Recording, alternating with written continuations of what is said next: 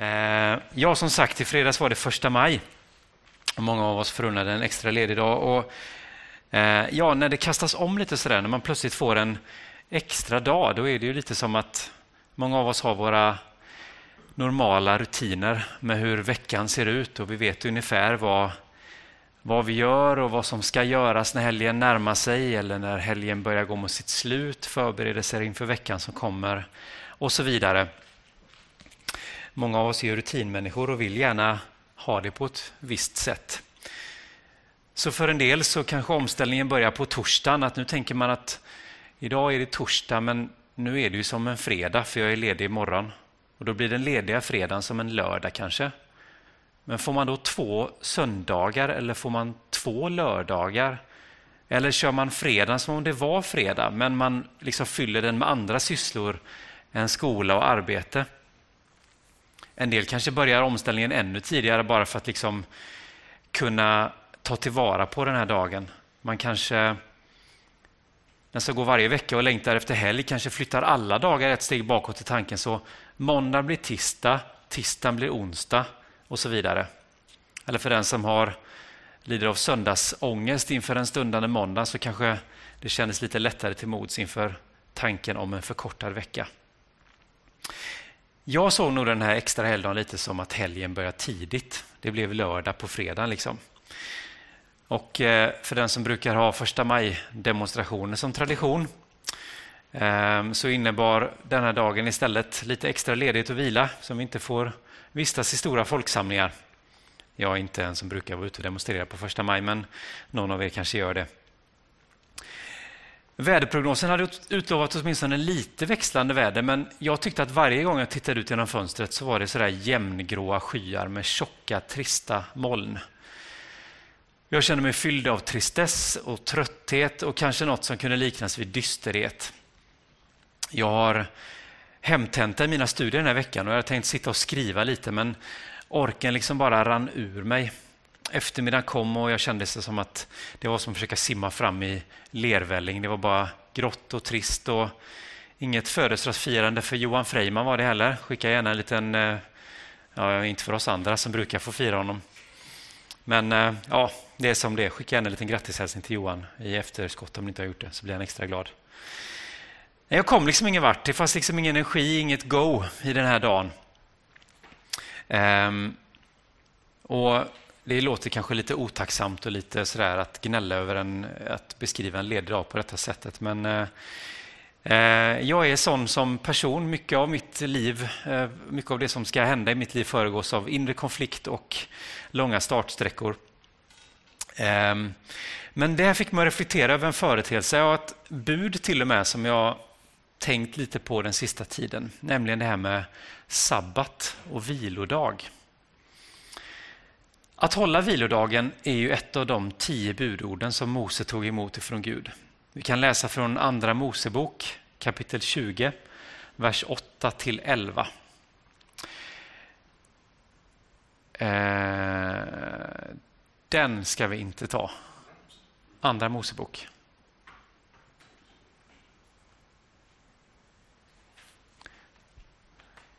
Nåväl. Eh, vi ska läsa en annan bibeltext än den som dök upp på, på skärmen. vi ska läsa från Andra Mosebok. Där har vi den. Tänk på att hålla sabbatsdagen helig, vers 8.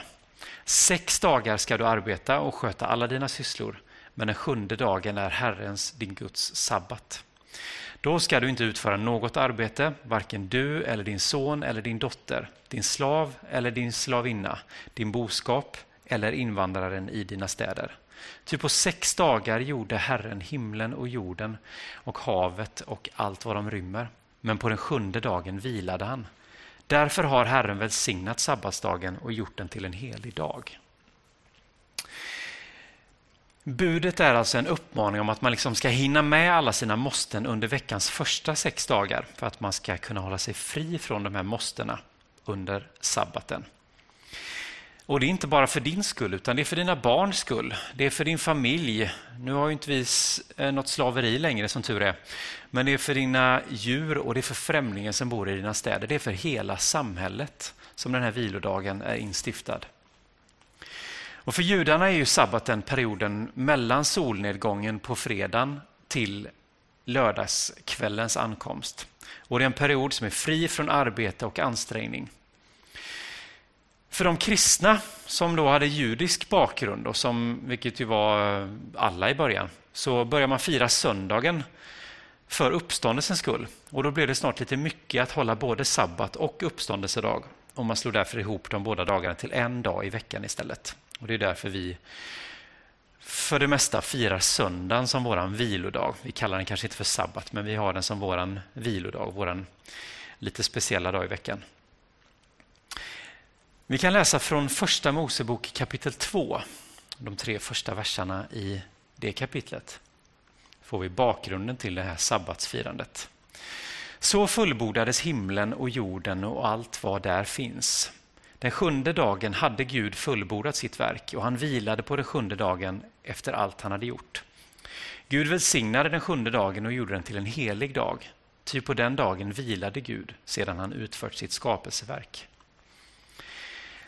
I den hebreiska skapelseberättelsen i kapitlet som föregår detta så läser vi om hur Gud skapar jorden. Varje period av aktivitet, varje strof i den här dikten så att säga ut, avslutas med orden Gud såg att det var gott. På sex dagar fullbordas skapelsen och på den sjunde vilar Gud. Och den vilan, den avsaknad av aktivitet, den så att säga aktiva passiviteten, den är så avgörande och den blev så viktig för det judiska folket att Gud välsignar den dagen och gör den till en helig dag, som vi läser om i de här verserna. Abraham Heschel, en av de 1900-talets viktigaste judiska teologer och tänkare gjorde en träffsäker iakttagelse i sina kommentarer till Första Mosebok och till just skapelsen-berättelsen. Lämnat det första som Gud helgar i skrifterna. Det är inte en plats, det är inte ett land, det är inte ens ett folk, utan det är en dag. Enligt Herschel skapar Gud ett palats i tiden dit vi inbjuds att vistas varje vecka av våra liv. Men varför har vi då så svårt att besöka det här palatset? Jag har vuxit upp med berättelser från min föräldrageneration och många av er som lyssnar känner säkert igen de här berättelserna om hur söndagen för många innebar ett förbud mot aktiviteter, mot organiserad idrott. Något jag själv upplevde lite som en konflikt när jag var barn. Man kanske inte fick leka, inte springa, inte skynda sig. Man skulle ta det lugnt. Man borde vara stilla, liksom, för det är vilodagen. Då gör vi ingenting. Det suckades över ljudet av gräsklippare från granntomterna och så vidare. Affärerna var stängda och arvet från den kristna traditionen vilade fortfarande tungt över vårt samhälle. Men som så mycket annat så förändrades även det. Nu har mataffärerna öppet samma tider på söndagar som alla andra dagar. När jag var liten så var, visste man att då stänger affären tidigare, men nu är det öppet alla dagar. Samma tid alla dagar. Vill du fira gudstjänst någon annanstans i en kyrka så finns det andra fina glaskatedraler att välja bland. Oftast heter de köpcenter eller gallerior. Idag har vi nästan vänt upp och ner på tidigare generationers insisterande på att dra ner på tempot på ett nästan tvångsmässigt sätt. Den som har barn som är aktiva i organiserad idrott nu för tiden vet att söndagar det är en perfekt dag att lägga träningar, matcher och sammandrag. Då är ju alla lediga. Och då fyller vi dem med aktiviteter. Men även för oss, för den som har lovsånger att öva och repetera, för den som har predikningar att förbereda, för den som har ljudteknik och i dessa tider bild och strömmande video att få ihop, så kan söndagen kännas lite för stressad och intensiv för att kunna benämnas som en strikt vilodag. När jag gick bibelskola året efter gymnasiet så var det ett gäng unga män i den församlingen som ansvarade för att rigga ljud och ljus i kyrkorummet varje söndag.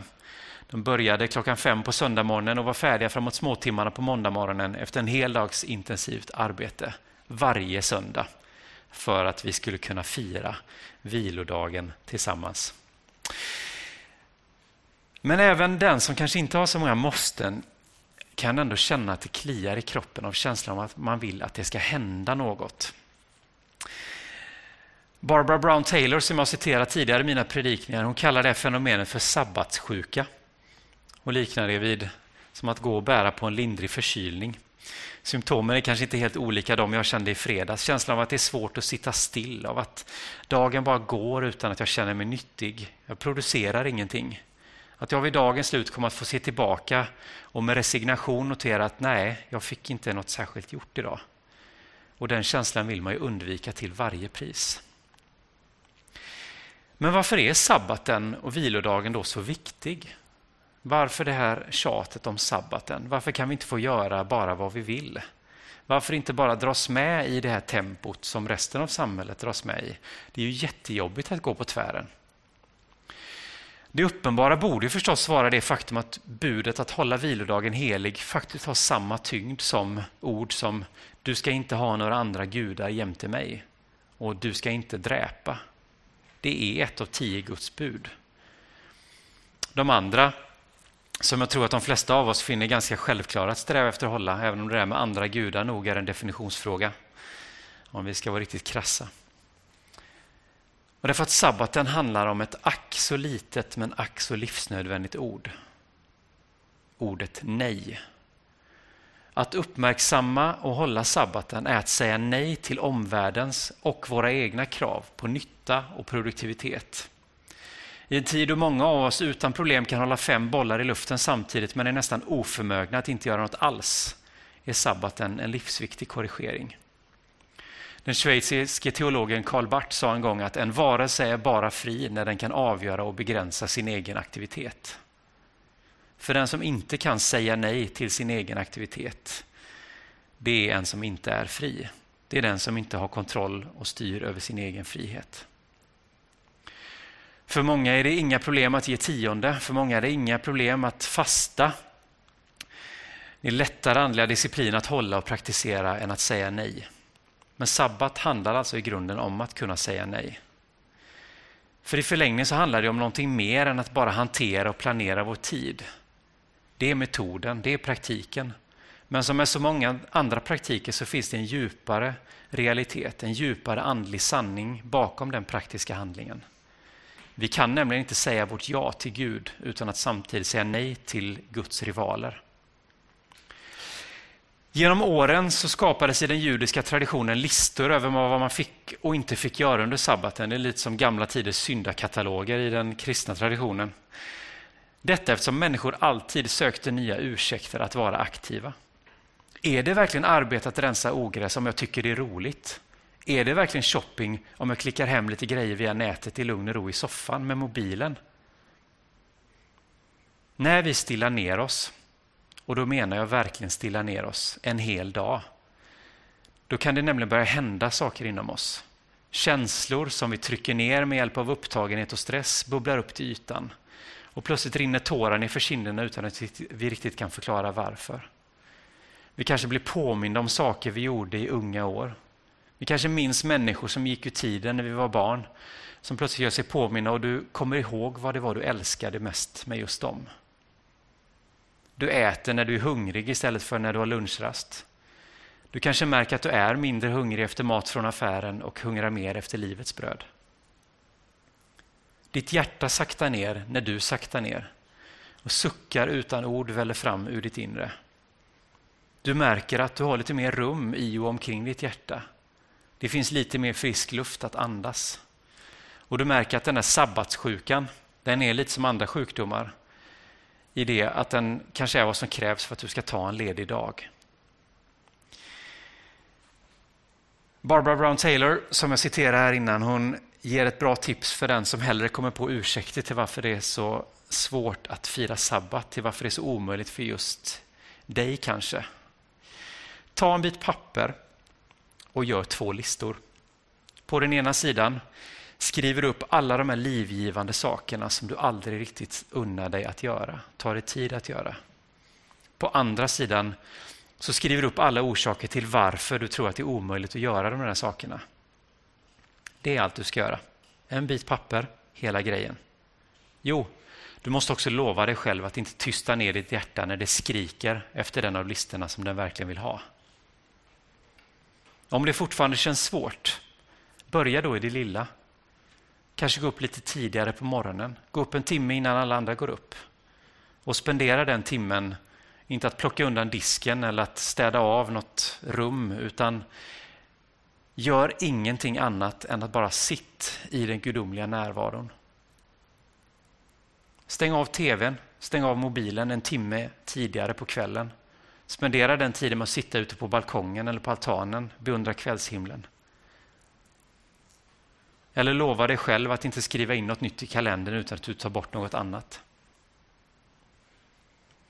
För att underlätta allt detta så skaffa dig en sabbatsvision. Hur ser en sabbat ut för dig? Den kanske ser ut någonting sånt, någonting sånt här. Du parkerar bilen i garaget eller på uppfarten. Du hänger in nycklarna. Du stänger dörren till skjulet eller redskapsborden där gräsklipparen och trädgårdsredskapen står. Eller verktygen till det rummet som du så gärna skulle vilja ha tid att renovera. Stanna hemma, inte för att du är sjuk utan för att du mår bra. Be någon som du älskar att också stanna hemma och må bra tillsammans med dig. Ta en tupplur, gå en promenad, ät lunch i en timme.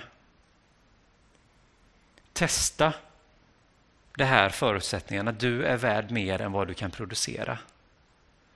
Att även om du spenderar en hel dag utan att göra någonting skulle du fortfarande vara värdefull i Guds ögon.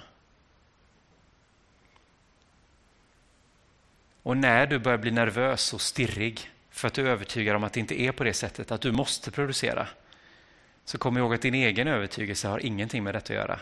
Detta är ett bud. Ditt värde har redan etablerats, även när du inte arbetar. Syftet med budordet är att du ska övertygas om dess sanning. Amen. Gud, tack för söndagen. Tack för att vi idag får vara i din närvaro inför ditt ansikte. Precis som vi är alla andra dagar. Men vi är så ofta omgivna och så ofta så sysselsatta med alla våra måsten att vi inte riktigt märker av det. Vi märker inte av allt det där som vill välla fram inom oss. Vi märker kanske inte av att du är närvarande där Gud hela tiden. Men vi är så upptagna att vi inte märker av det. Låt söndagen få bli en påminnelse, även om vi kanske får börja i liten skala, för vi är så vana vid alla måsten, vid allt vi måste göra. Så låt det få bli en början till en omvändning i våra liv, där vi faktiskt får bestämma oss för att följa dina bud, att höra dina bud och följa dem. Att det skulle bli så självklart för oss att göra ett avbrott mitt i veckan från alla måsten Lika självklart som att vi inte går ut och dräper någon. Lika självklart som att vi inte går och är fyllda av avund efter andras ägodelar. Lika självklart som att vi inte har andra gudar jämte dig. Skapa i oss, Gud, en längtan efter sabbaten. En önskan om att få vila i din närvaro. Amen.